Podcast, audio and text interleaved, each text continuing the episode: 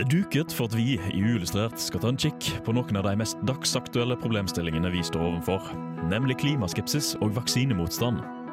Med fokus på noen lytterinnsendte spørsmål, nypubliserte medisinske studier og responsen på sakte studier, setter vi som mål å guide dere gjennom dette havet av tall, studier og argumenter, og gi dere et svar på om det ligger noe i kommentarene, eller om de bunner ut som konspirasjonsteorier.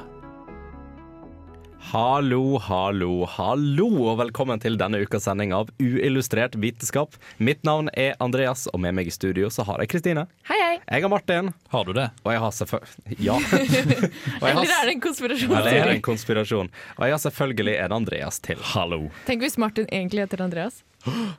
Ikke begynn med dette her nå. Det- La oss komme i gang før vi begynner med sånne Ok, Okay, ok, La oss, la oss eh, ta andre konspirasjonsteorier. Ja, og det er nettopp det vi skal gå gjennom i dag. Vi skal touche inn på konspirasjonsteorier med main fokus på vaksineskepsis og klimaskepsis. Og vi har egentlig veldig mye, veldig mye vi skal gjøre. Vi skal annet svare litt på lyttespørsmål. eh, Få litt svar på hva dette her er for noe.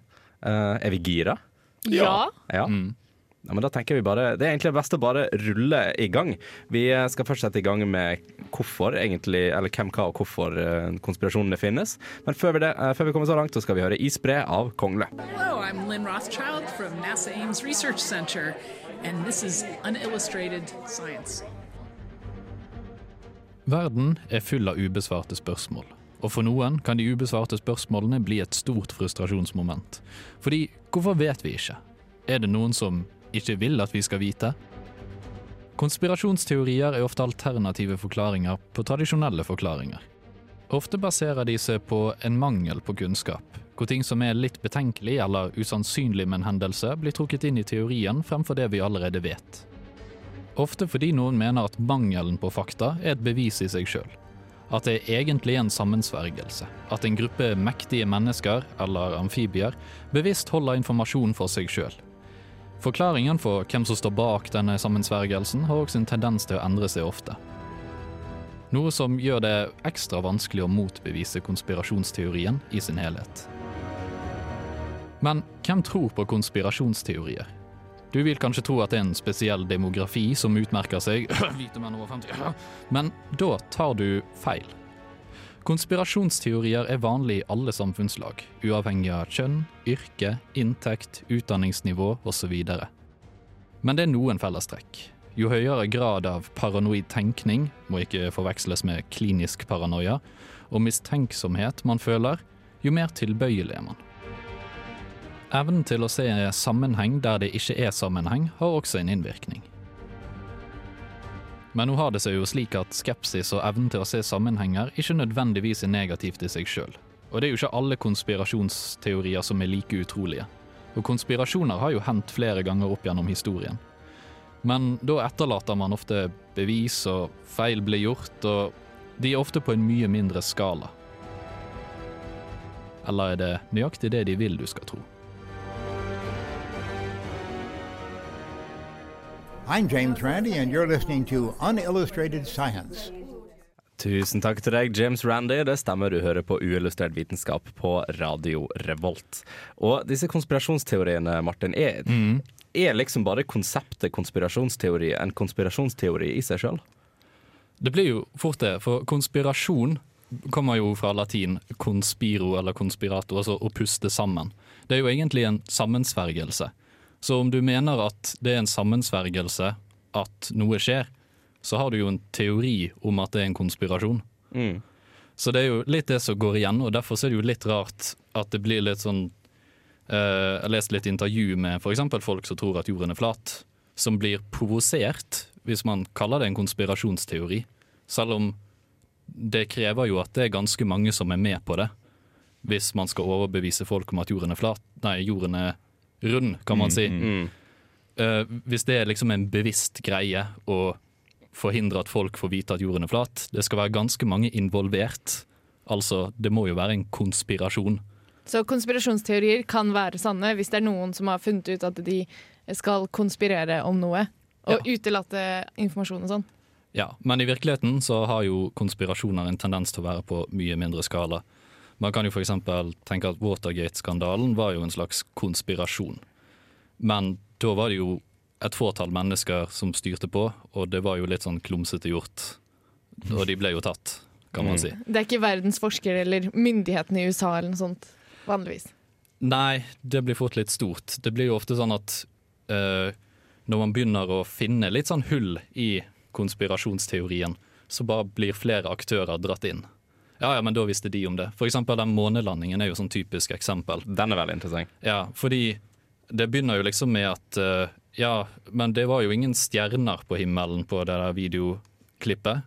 Så det er sånn, ja, men tror du virkelig at de glemte å henge opp stjerner? Altså uendelig med ressurser og alt mulig, så har de glemt stjernene. Ser bare for meg at det liksom står i etterkant bare sånn Å, det var de stjernene, ja. Ja, og så tenker man også litt sånn, hva med Sovjet da? De fikk jo med seg at uh, amerikanerne fløy til månen.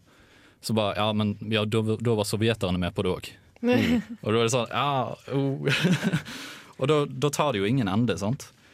Uh, men jeg le, leste litt om det der med hvem det er som tror på det. Og det var noen, så, noen luringer som satte i gang en liten test på det her. Som de uh, kalte bullshit receptivity scale.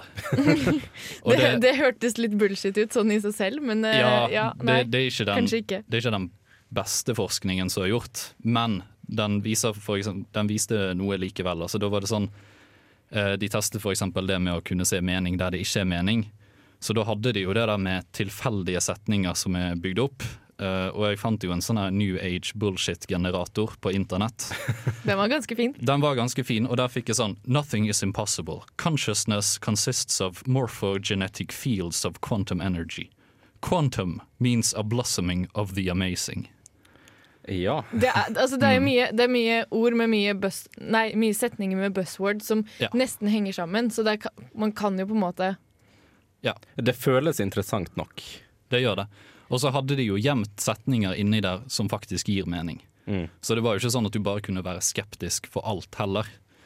For det er jo òg en litt eh, en litt greie. Det er jo, man kan jo ikke bare være skeptisk for alt mulig og mene at man har rett av den grunn. Altså Skepsis i seg sjøl er jo viktig, Ja, men det finnes grenser. det finnes grenser. Altså jeg tenker jo Mye av, mye av liksom konspirasjonsteoriene som oppstår, spesielt rundt altså månelandingen og veldig sånn metafysiske ting, er Ja. jo altså det er bare et resultat av feil bruk av liksom Arkhams Babebla og sånt. For det er jo det som Det er jo en gjenganger når det kommer til å debunke konspirasjonsteorier. Ja, og så blir det òg litt sånn at de som tror på én konspirasjonsteori, eller én sånn veldig eh, stor konspirasjonsteori, tror også på flere. Altså, tror du jorden er flat, så er man òg mer tilbøyelig til å tro på chemtrails. Men det blir jo litt sånn at hvis en av konspirasjonene du tror på viser seg å være sann, en av de små, så er jo ikke det et bevis på at du har rett om alt. Nei, men det er lett for å tro, da. Ja, Ja. det blir jo fort det. Er det, en, er det på en måte en evolusjonær uh, forklaring på at folk, det finnes folk der ute som er lettere å på en måte overbevise om konspirasjonsteorier? Er det liksom en evolusjonær basis på det? At man er Altså, De aller fleste kan overbevises om konspirasjonsteorier hvis bevisene er gode nok. Dersom man argumenterer med evolusjonære argumenter, så blir det jo fort litt sånn superior versus uh, not so superior race-argumenter som kommer frem. Ja, det, Ja. det blir jo fort det. Men jeg tror, tror kanskje det har noe med det med vitenskap, og vitenskapen har en veldig sterk stemme. Og før så var vitenskapen sånn Alt var liksom solid, og du stoler på vitenskapen fordi at, det, fordi at den kan vi stole på. Fordi noen har sittet og pirket i noen sånne der små fysikkgreier og testet og målt i hundrevis av år, og så har de kommet frem til en ting, og dette tror vi på. Men greia er at eh, forskning kan ta feil, og ting kan endre seg, og ting vi trodde Altså, ting vi trodde var sant, kan endre seg, og eh, statistikk kan misbrukes. Og eh, forskning har da nå, i nyere tid, blitt til ikke lenger en nøytral aktør i samfunnet, men en aktør som kan eh, brukes i et politisk spill. Både til å legitimisere, avlegitimisere, eller forsterke eller svekke politiske aktører. Noe de politiske aktørene vil og kan bruke i sin fordel. Og derfor så tror jeg det at det svekker på en måte eh, vitenskapsargumentet, da, fordi at det, det er folk som bruker det i eh, et politisk spill, og da blir det på en måte ikke lenger nøytral fakta. Og da er det kanskje vanskeligere å tro på Mm, ja. eh, vitenskap enn hvis det er definert som nøytral fakta. Ja. Eh, og det blir jo Ja, det er Men- en ting. Men jeg er nå litt tilbake på dette med mangel på informasjon og endring av informasjon. At det liksom ligger til basis og grunne for en konspirasjon. Ja, Ja. men så ligger det nok litt i det at vi søker jo ofte bekreftelse på det vi allerede mener. Så da er vi litt mer villige til å ta imot informasjon og nye fakta som beviser det vi mener, Mm. uh, fremfor det som motbeviser det. Uh, og konspirasjon har òg en liten sånn sammenheng med, eller, sammenheng med det å, eh, å føle at du har mangel på kontroll, kan man si. At det handler en del om frykt. Mm. Og Ja, det vil jeg tro. du ser for deg en farlig verden, og mye gale skjer, og da er det kanskje litt sånn betryggende å skylde på en liten gruppe folk som står bak det hele, kan man si. da. Ja, det er jo det blir sånn. det, det, det, blir, det, blir veldig fort, det blir veldig fort sånn.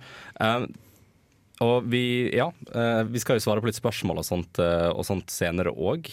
men eh, altså, når, når det kommer til sånn, flere konspirasjonsteorier og alt mulig sånn, hvorfor Altså, nå har vi jo svart på litt sånn hvorfor, eh, hvorfor er det folk, eh, folk tror på det, men hvordan kan liksom gå videre på det?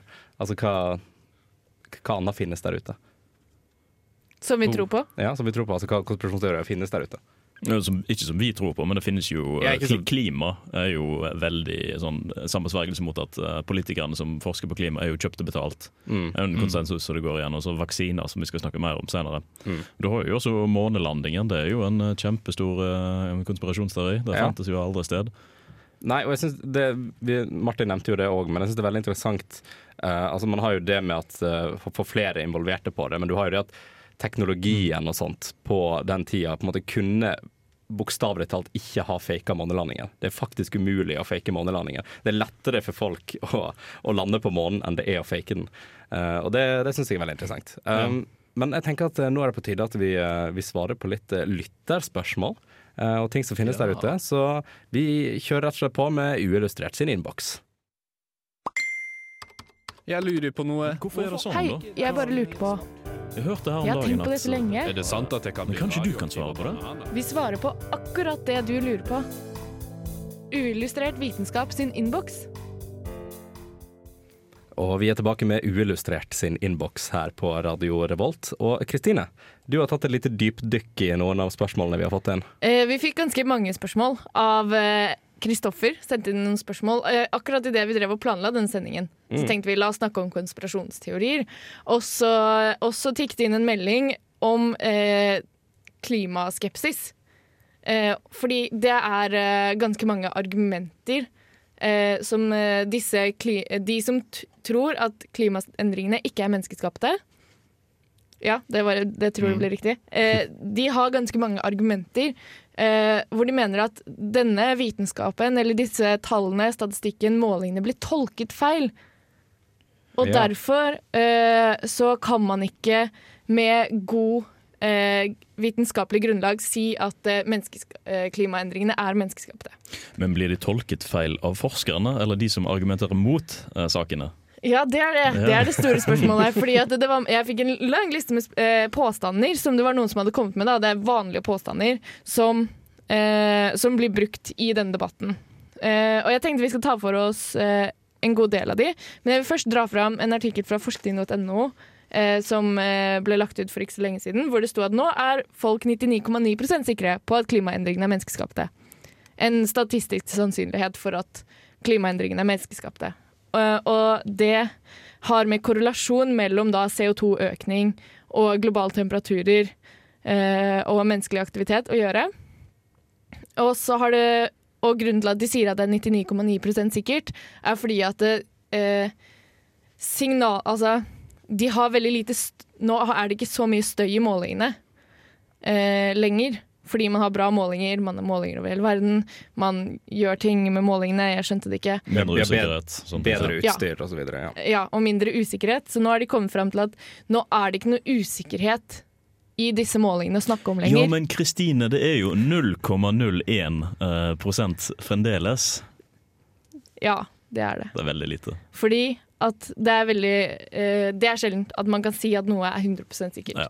For det gjør man egentlig ikke i vitenskapen, for det er, så, det er ikke sånn vi driver med. Det er ikke sånn vi gjør det. Rett og slett. Men første argument er at global oppvarming den eh, stoppet opp mens CO2-en fortsatt stiger. og det blir faktisk kaldere. Eh, og eh, det er ikke helt feil. Eh, fordi hvis du ser på perioden fra 1998 til 2012, eh, det var en periode der hvor stigningen i eh, CO2 og global eh, gjennomsnittstemperatur, de gikk hånd i hånd. Helt hånd i hånd. Mm. Og så fortsetter CO2 å stige, og så flater grafen for temperatur ut. Og så tenker man oi, shit! Dette stemmer ikke med hva vi trodde. Uh, her er det noe som har skjedd. Denne uh, utflatingen i stigningen den var ikke statistisk signifikant. Eh, Det betyr at, eh, det, betyr at uh, det kan ha vært tilfeldig. At det flatet at ut. det flatet ut. Ehm, og man ser da etter 2012 så har uh, den fortsatt å stige, da, den grafen. Men det visste man ikke i 2012 at den kom til å gjøre det. Men nå har vi sett det at det har fortsatt å stige.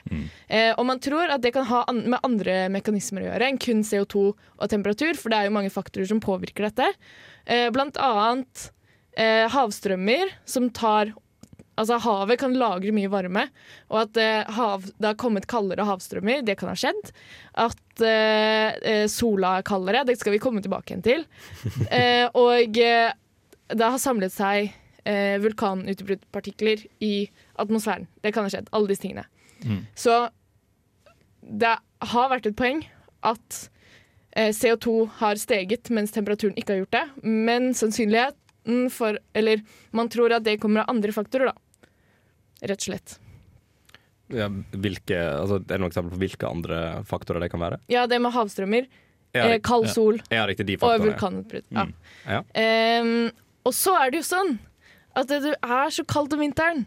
Det blir jo mye kaldere på vinteren, og det er mer is på polene. Ja, det er det. Det er kaldere på vinteren, og det er mer is på polene. Enn om sommeren? Eller generelt sett? Hæ, hva da? Altså, altså, snakker vi kaldere om, som, altså, kaldere om vinteren enn sommeren, eller snakker vi fra vinter til vinter? Eh, nei, Fordi vin vinteren er kaldere, da. Ja, det er jo bare, hvis argumentene deres er det er, det er kaldere på vinteren enn om sommeren, så Ja, nei, ja, det Så, er så jeg er helt enig i det. helt enig. Ja. Eh, Men det er jo da eh, disse Men det er vær. Det er lokale værforandringer. Eh, som påvirkes av eh, jetstrømmer i atmosfæren, som påvirkes av veldig mye ting. Og jeg skjønte det ikke, eh, men det gir økt ekstremvær. Ja. Ja. Uh, så ja, det blir kaldere, men det blir også varmere. det, det er jo Eh, ekstremt viktig å skille mellom lokale uh, hot og cold spots og globale temperatursvingninger. Det Ja. er jo en ekstrem stor skalaforskjell der. Vi Ja. snakker jo maurtuen din hjemme og Amazonasjungelen i, i skala. Ja, det er, det er nemlig det. Så det, det og så er det veldig mye som går på sånne global, eller lokale ting. Det er sånn, ja, På 1930-tallet så var det sykt varmt i USA, og vi har aldri sett så varme eh, perioder som, i USA som det. Men det er sånn, det var USA. Vi kan ikke trekke konklusjoner ut av det. Eh, samme har du på en måte det, Du har påstanden det var varmere for 1000 år siden. Ja, det var en veldig varm periode. Det heter medieval warm, warm per, ja, ja Period. period. Eh, hvor det var veldig varmt, og så ble det kaldere igjen. Eh, det var en periode på mange, mange år. Eh, sånn at det var liksom Du ser det på en, med, på en graf hvor du har med ganske mange eh, tiår, så ser du den perioden, da. Eh, og det tror man kanskje kommer av at det var en varmere sol. Eh, og varmere havstrømmer. Og det var også da store områder, men det var ikke hele verden samtidig. Eh, og det fantes unntak, så du kan ikke konkludere med at dette var en global oppvarming, fordi at det var ikke et globalt fenomen. Riktig. Eh, og for ikke å få helt sånne, sånne tunge krøll på ting, eh, så, eh, så skal vi ha en liten, liten eh, musikkpause før vi kommer tilbake og svarer på litt flere spørsmål eh, om klima og hvordan det funker. Eh, før vi kommer så langt, så skal vi høre 'Into the Forefront' av Ives Jarvis. Uillustrert vitenskap er dritkule. Eh, Dere er det beste programmet ever. I love you guys. Hilsen super, hyperfan.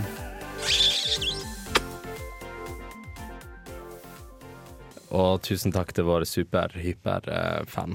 Veldig, veldig bra. Eh, vi skal fortsette å svare litt på spørsmål. Eh, har du mer å komme med, Kristine? Å, jeg har mer. Og det er f.eks.: hva hvis det er bra at det blir mer CO2, fordi at plantene trives så godt med det? Plantene liker CO2. Eh, De lager CO2 eh, om til sukker, og så produserer de O2. Det er fotosyntesen i et nøtteskall. Mm. Og eh, planter vokser fortere når de får mer CO2, så derfor i mange drivhus blir det pumpa inn CO2 til plantene sin fordel. Det skjer. Men da trenger vi jo mer. da. men og det, og det er bra ting. Så kanskje planter hadde hatt godt av Eller kanskje vi hadde fått økt plantevekst med økte CO2-nivåer i atmosfæren. Men problemet er at når eh, plantene vokser fortere, så trenger de mer vann, de trenger mer næring. Eh, og greia er at når plantene vokser fortere, så får de bare mer karbohydrater. Og ofte så spiser man planter fordi at de inneholder andre næringsstoffer, sånn som f.eks. jern, sink, proteiner. Eh, og det har de mindre av hvis de vokser fortere. Eh, og de er også mer utsatt for å bli spist av insekter, fordi at de produserer mindre av disse eh, beskyttelsesmekanismene. Da. Så eh, ja, plantene vokser fortere med mer CO2, men det går på bekostning av andre ting. Ja, og så har man jo òg ringvirkninger av det at CO2-en øker. altså hvis, hvis vi får klimaendringer, så vil det jo endre på miljøet plantene vokser i. Altså Hva Ja. hjelper det at du vokser fortere hvis du ikke får nok vann eller næring fordi nedbøren ikke kommer der du trenger det? Eller fordi du har mer ørken. Ja. Fordi, ja. Ja. Eh, så det, det er en ting, da. Eh, man ser på eh, ting i eh, oppstykket, når du egentlig må se på hele sammenhengen for å forstå det hele. Så er det det at bare 4% av CO2-utslippene er menneskelige utslipp. Jeg har ikke tall på det, ja, men det er en balanse i CO2-utslipp og opptak som er helt sinnssyk i mengde gigatonn. Hvor det er en slags balanse mellom naturen og havet og alle ting som har noe å si for det, eh, som, eh, som er i balanse. Og våre utslipp er en liten del av det. Men det gjør at CO2-nivåene stiger fordi at det var balanse. Og så kommer denne ekstra mengden som menneskene slipper ut. Og den får ikke være med på balansen fordi at det, det er for mye. Det overloader systemet, rett og slett. Eh, og karbonisotopanalyser, altså du ser hva slags type eh, CO2 som kom, kommer det fra planter eller kommer det fra menneskelige utslipp. Og du ser at eh, menneskelige utslipp, type karbonene, eh, er den som stiger. Er den som gjør at CO2-nivåene i atmosfæren eh, stiger. Riktig. Og så har du til slutt det med at sola blir kaldere. Eh, og det, ja, det har den vært nå i det siste. Så har sola vært mye kaldere enn det den pleier å være. Eh, men pleier å være og pleier å være, fordi sola har en elleveårs syklus. Hvor den da er litt varmere, og så blir den litt kaldere. Og så blir den litt varmere, og så blir den litt kaldere. Det går sånn syklus på sånn ish elleve år. Eh, det fant de ut av på eh, tidlig Newton-tid. Eh, at det var en ting som skjedde. Og det påvirker klimaet vårt, selvfølgelig. Akkurat nå så er vi eh, på vei inn i syklus 25. Men syklus 24, som nettopp har vært, eh, eller som vi er i nå man, Jeg tror disse tidspunktene blir bestemt på en litt sånn historisk basis. Eh, den har vært litt kaldere enn det den vanligvis har vært. Men det er ikke noe i veien for at neste syklus, da syklus 25, blir varmere igjen. Og da vil solas aktivitet gå opp, man vil få flere solflekker, mer nordlys, og det kan bli varmere for oss på jorda. Men det er en sånn slags eh, Det blir ikke generelt kaldere, det blir ikke generelt varmere, men det er en sånn slags eh, stigning og synkning som ikke har noe å si for den store CO2-stigning, klimaendringer. Det har bare litt å si. Riktig. Ja. Ja, Spennende konklusjon. Mye informasjon på kort tid. Uh, før vi kommer inn på litt vaksineskepsis og litt mer konspirasjoner, så skal vi høre resten av Angelic Weirdness av Guided by Voices. Because I can tell you something, and then you just look at me and say I'm crazy. What do you think tap water is? It's a gay bomb, baby. Altså, det er en ting du må forstå, og det er jo at vaksinene faktisk gir autisme. Myndighetene prøver bare å sprøyte oss gjennom flystripa og chemtrails. Feministene tar over verden, og det er regjeringa sin skyld. Nå er ikke jeg noen ekspert, men det her er jo åpenbart. Det er snø i mars i Trondheim, så jeg har ikke sett noe til global oppvarming. Og så må vi jo snakke om 9-11. Uillustrert vitenskap, konspirasjonsspesial. Det stemmer. Det er uillustrert vitenskap, konspirasjonsspesial. Og nå når vi har fått svart litt på litt spørsmål, fått vite litt hva konspirasjonsteorier er for noe, og toucha inn på klima, så er jo vaksine det neste. Ja. Og vaksine, vaksineskepsis er, synes jeg er en veldig fascinerende ting, mest fordi at jeg eh, er ikke er en fan av det. Eh, og det, som liksom er med det som er med vaksineskepsis nå, er jo at eh, for VG, eh, VG og andre nyhetskilder har jo lagt ut en artikkel nå om at Verdens helseorganisasjon regnes, eh, regner vaksineskepsis som en av de ti største helsetruslene i verden.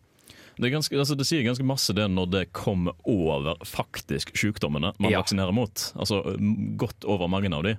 Jo, men det er sånn, Sykdommen er jo kjempefarlig. Men grunnen til, at, eh, de, grunnen til at de er farlige, er fordi folk ikke vaksinerer seg mot dem. Ja. Det er sånn eh, Ja, det er sånn det er blitt. Men alt er jo en konspirasjon, for det er jo vaksineindustrien som betaler alle forskerne. Naturligvis. Og alle legene og lokale liksom, helsesøstrene rundt i Norge. De altså. blir Det jeg syns var veldig morsomt med akkurat den påstanden der, er at Andrew Wakefield når jeg sier navnet, så skal dere gjøre sånn som på Gløsheim, hvor de sier sånn «Å, avsky. eh, han som publiserte den artikkelen med at MMR-vaksina gir autisme, Ja. eh, han som begynte med det, han var finansiert av vaksineindustrien fordi han hadde da eh, tre forskjellige vaksiner som han ville, eller som de ville selge da, istedenfor denne sammenvaksinen. Eh, så egentlig så ville de tjene penger på å gi andre vaksiner enn MMR-vaksinen, og det er litt komisk. Det er jo fantastisk vittig, egentlig. Ja, fordi det er han som var finansiert av industrien, og det er bare sånn Ja, nei. Litt i et nøtteskall, altså. Det var en nøtteskall. Ja. Men det var eh, morsomt. Det som er litt med, med statistikken på det òg i hvert fall når det kommer til det Verdens helseorganisasjon har lagt ut, eh, så går det på det at mellom, cirka mellom to og tre millioner liv blir redda i året eh, på at man vaksinerer. Eh, men tallene som kommer av at man ikke vaksinerer, og dødsfall pga. det, har begynt å på en måte komme opp mot de nivåene. Så det er, hvis vaksineskepsisen fortsetter, så kommer vi til å gå i null. Ja, altså Vi ser jo meslingepidemiene i eh, hva har det vært i Europa og USA. Mm. Mm. Eh, og det har jo tatt livet av ganske mange i områder hvor man har valgt Hvor det har vært opphopning da, av folk som har valgt å ikke Mm. eh, vaksinere barna Nesodden next. Nesodden next. Er det lov å si? Nei, jeg vet ikke. Men en, en ser det jo også på type, altså, En av problemene som man har, er jo f.eks. Uh, tuberkulosemedisin og tuber tuberkulosevaksinering og sånt. Uh, forskningen på det slutta jo på 50-tallet fordi man tenkte at ja, ok, nå har vi jo essensielt utrydda tuberkulose i de vestlige landene, så da trenger vi jo ikke forske mer på det.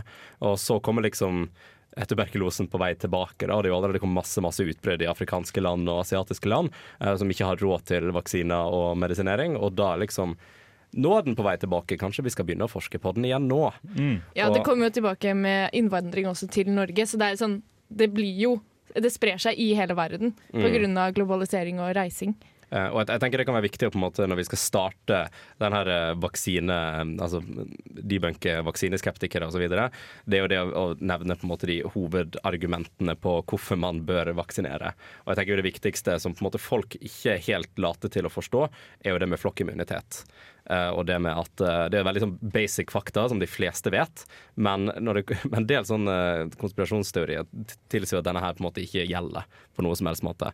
Og det går jo ut på essensielt det at eh, det finnes folk der ute som er allergisk mot vaksine, og som ikke kan ta vaksine pga. helsemessige årsaker, og derfor blir de da beskytta av de som er vaksinerte. For de smitter heller ikke, de som er vaksinert. Riktig. Det er poeng. Eh, og jeg, jeg har jo vært inn på det vide, store internettet. Jeg har funnet jeg har funnet en, eh, jeg skal ikke navngi sida, men jeg har funnet en, eh, en side på, på Facebook hvor det deles veldig mye sånn eh, Det er en norsk side, da, men da deles det veldig mye sånn vaksineskepsis eh, og, og sånne ting. Og jeg har lyst til å gå gjennom litt eh, av Litt av liksom tingene som blir sagt for, for at vaksine ikke fungerer.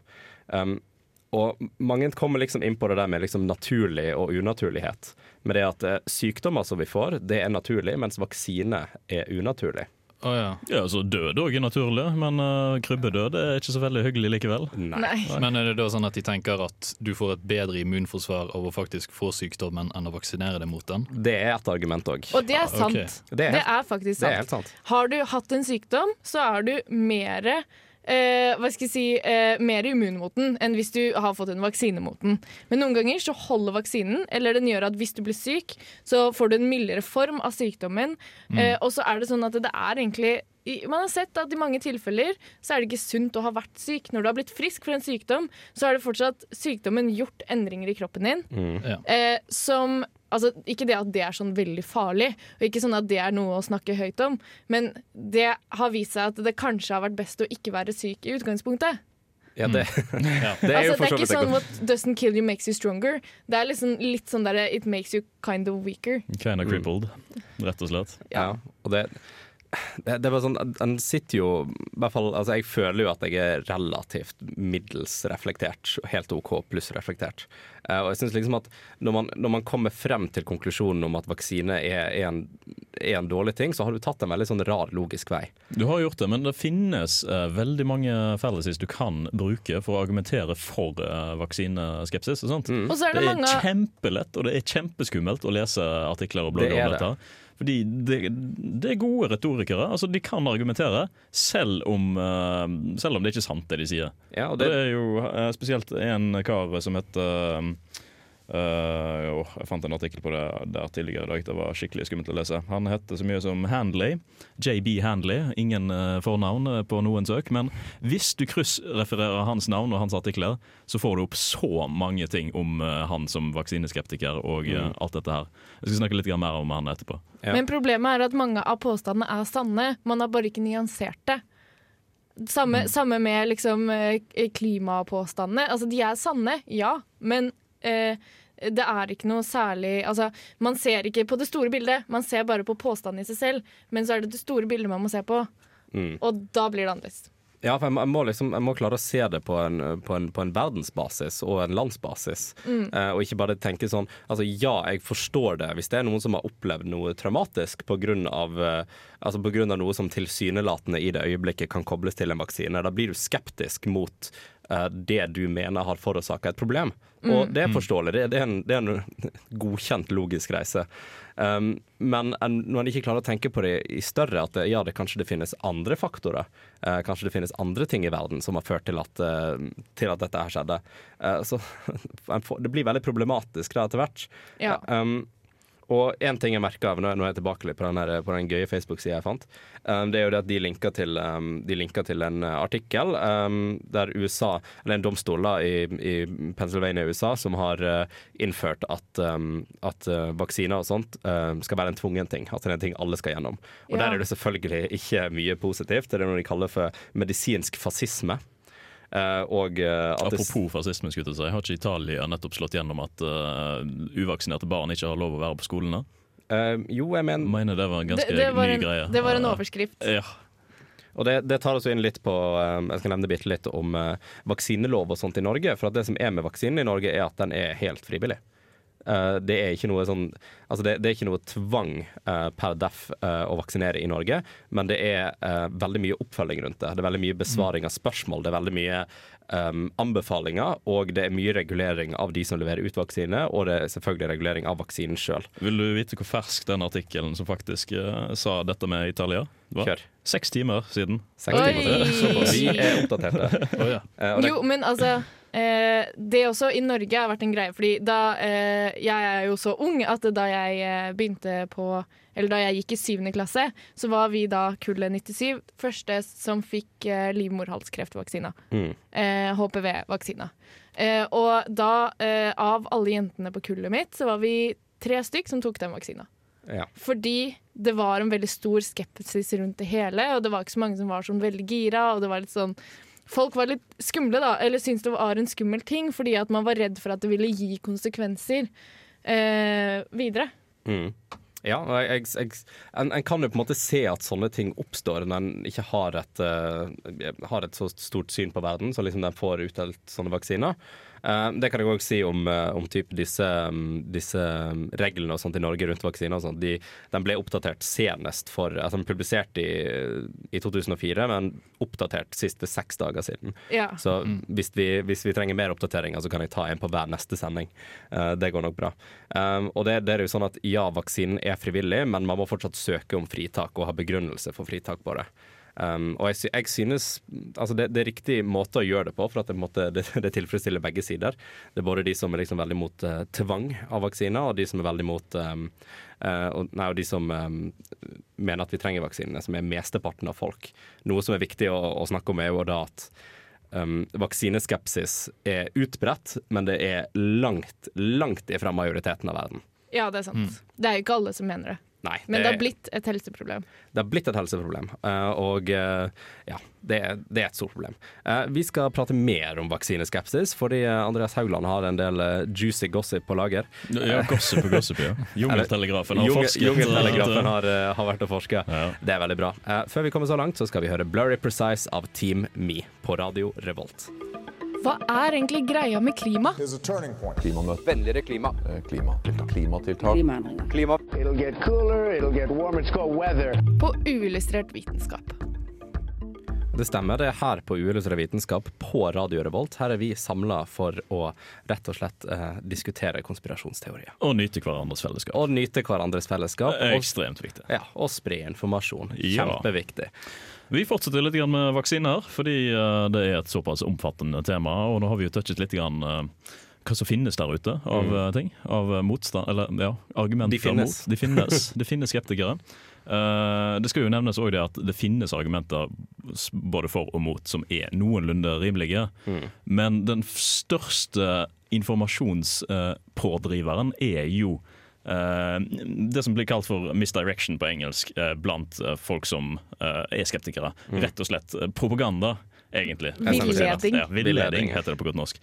Uh, og det er jo noe som dukker opp i støtt og stadig siden uh, ja, siden når? Tidlig 2000 i hvert fall, og enda før det også har det vært nye personer. Men nå er det spesielt én kar, det er han der Hem- Høble Høble Høble. Han, ja. Uh, Handley, eh, som har vært pådriveren siden tidlig 2000-tallet. Og nevnte jo litt grann han her. For han har visstnok gått igjen veldig mange ganger. eh, og folk som er leger og forskere som har svarer på kommentarer og sånt om hans artikler, sier at An old friend of mine, eh, fordi de har debattert med han siden han dukket opp i kommentarfeltene på Ja, tidlig ja, ja. 2000-tallet. Ja. Ja. Eh, det var òg en artikkel som sa at det var han som uh, sto bak det å lage den der første antivaksinesiden som uh, McCarthy uh, laget. For veldig, eller først og første. En av de tidligere. Er det den vekst eller noe sånt? Ja, noe sånt. Jeg lurer på om det var noe sånt. At, at det var han som egentlig sto bak det.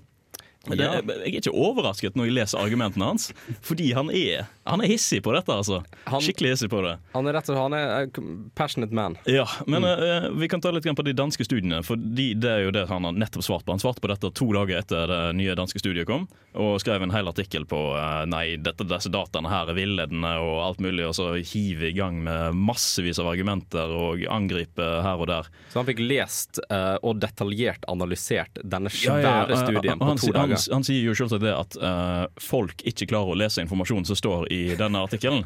Uh, og det er jo helt sant, det er mange som kommer til å mistolke denne artikkelen. Mm. Mange som kommer til å bruke det også.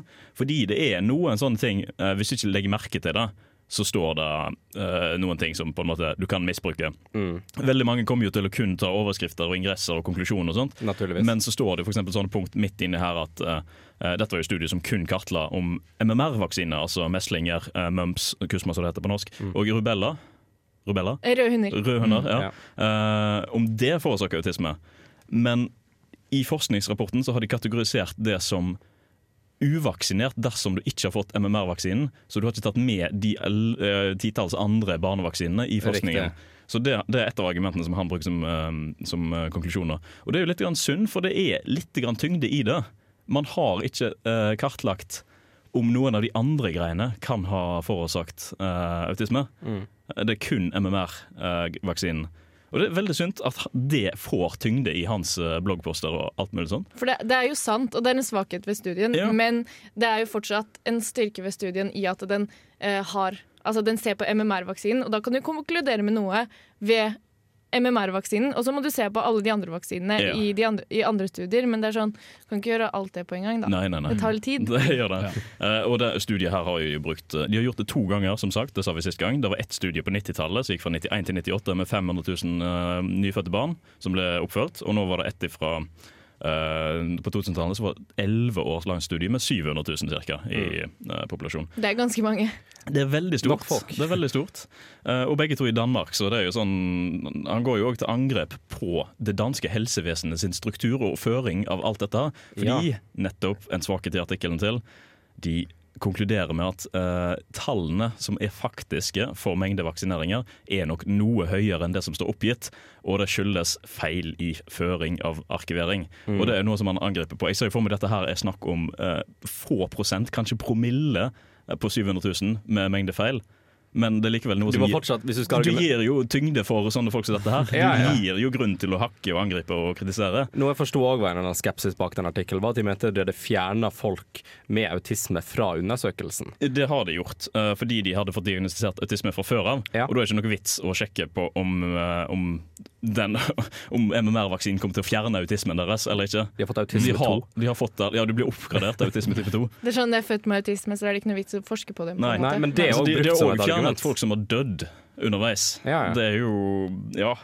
Man må ha frafall i studiet, og de, argument, de har loggført de bra. Um, Og det er et tegn på god vitenskapelig rapportering. ja, det er det. egentlig. Og så skal vi se Det var et veldig fint uh, argument her. Ja, veldig fint og fint. Jeg finner det ikke igjen. Nei, det er ikke så viktig uansett. Men konklusjonen på dette nye studiet var akkurat det samme som det første studiet, det første store danske folkestudiet. At det ikke var noen sammenheng mellom MMR-vaksine og eh, økt sjanse for å få autisme. Så eh, ja, vittig at han kjører på eh, nok en gang. Likevel. Likevel, ja. Ja. Altså, på en måte, jeg forst- fra hans synspunkt så skjønner jeg jo at han har lyst til å fortsette kampen. Det er Ikke sånn at Han liksom, tjener ikke masse penger på dette. Han tjener jo grisemye Ja, penger. Det, men det er jo problemet med at sånne folk får så mye, så mye fart når de er ute og, og snakker om sånne ting. Det gjør at du liksom får, du får troverdige i hermetegner, troverdige personer bak feil informasjon. Og det er jo en ting som vi ser igjen overalt i dag. En har liksom YouTube eh, Altså det er Jim Carrey, for eksempel, som går ut med vaksineskepsis og er jo en kjendis. sant? Ja, ja, og det er farlig. Kjendiser som Det eh, er så farlig. Folk Kjempe. følger de blindt. Uh, han, mist, han Henley mista jo plattformen sin for informasjonsspredning. Han Mm. mista den. Han ble sparket ut fra sin for, forrige store fordi han drev med såpass my- masse misinformasjon. Mm. De vil ikke ha han på nettsidene sine lenger. Han har også publisert et par bøker, der, blant annet. Også. Så nå, nå fant jeg. Det var det første som dukket opp når jeg søkte på uh, Danish MMR Study. Det var det Mm. første som dukket opp, var hans nettside, Children's Health Defense. Der det er altså. det er faktisk det første treffet på det. Skikkelig farlig. Kan det være cookies fra din maskin, siden du har søkt på det? Nei, jeg har ikke søkt så masse på det, men det er veldig, veldig vittig, da, fordi uh, jeg kom, går inn på her og tenker ja, første treffet det må jo være bra. Mm. Skikkelig, sikkert, sikkert litt kredibilitet i dette. Kommer nedover, lenger nedover. Du har noen eh, ja, ne, Kan se hvor du kommer fra, men det vet ikke helt ut. så, sånn, uh, Handley, JB Handley credibility. Å ja, Ja. du er der, ja! du har vært i dette gamet lenge, ja. Mm. Eh, bra greie. Kryssjekk dine studier. slett. Kanskje det er en konspirasjon fra Google også, at de liker å ha sånne treff øverst. Ja, kanskje det. Men, men han må jo ha fått eh, en god del eh, mer fart nå når han publiserte dette. Jeg vil jo tro at folk som står på barrikaden og roper, de blir hørt. Ja, ja, ja. Og sånn er det bare. Altså, folk som roper høyt, de blir hørt. Men man må bare, hver enkelt person må være skeptisk. Mm. Problem, problemet vi har der, er jo at nå liksom, vi er vi er en tid med mye aksept, og det er jo bra, men når man liksom setter liksom pro-vaccine så Kan ikke akseptere alt. Nei. Når man setter pro-vaccine og anti-vaccine liksom på samme linje, at det er like greit å være begge to, Mm. så har man et problem. Nei, men altså, Går det utover andre, eller går det ikke utover andre? Det må man jo bestemme seg for. Ja. Mm. Og når det går utover andre som har Altså, de som ikke vaksinerer seg, har nok problemer. Eh, altså av helsemessige grunner. Har nok problemer fra før av. De trenger ikke å få sykdommer i tillegg, liksom. De gjør Nei, ikke Nei. det er fabelaktig greie. Eh, men ja, til slutt, vi er jo obviously veldig ganske uh, pro-vaksine. Eh, Mm. det er jo ikke akkurat så veldig vanskelig å lukte dette fra våre argumenter. Det er, det er deres egne valg. Det er sånn det sier norske lo lover. Tilsier at det er frivillig. Det er frivillig, men vaksinere ungene deres. Vaksinere ungene deres. Eh, Vær så snill. Det er, om om dette, dette vi snakker om nå eh, kan være med i fremtiden og redde, redde et par liv, så er det godt nok for meg.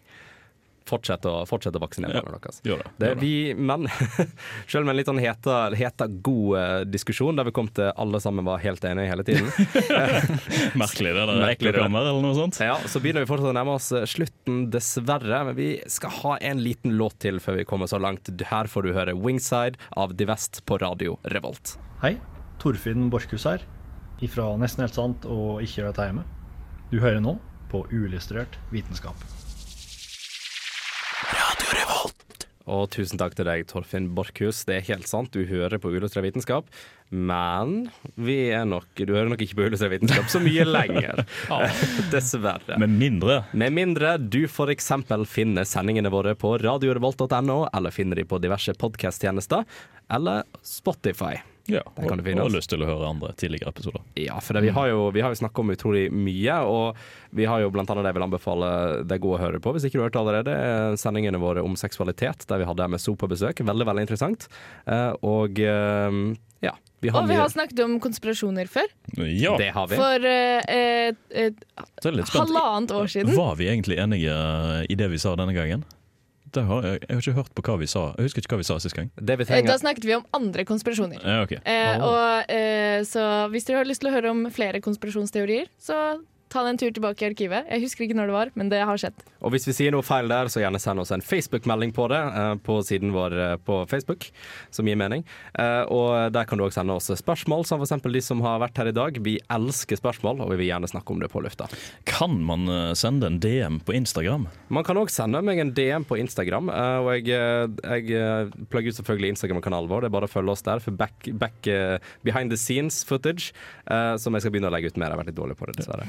Men jeg skal gjøre det. Smash that like-button, rett og Smash that like-button. Vi er på sosiale medier. Uansett, mitt navn har vært Andreas, og med meg i studio har jeg hatt Andreas. Ha det bra. Jeg har hatt Martin. Ja, det er det jeg- du vil du skal tro. Alle skal tro. Eller hvordan en del blir. Ja, OK, ha det bra. Jeg har hatt det vi tror er Martin, i hvert fall. Eh, Og Kristine. Ha det bra. Ha det bra.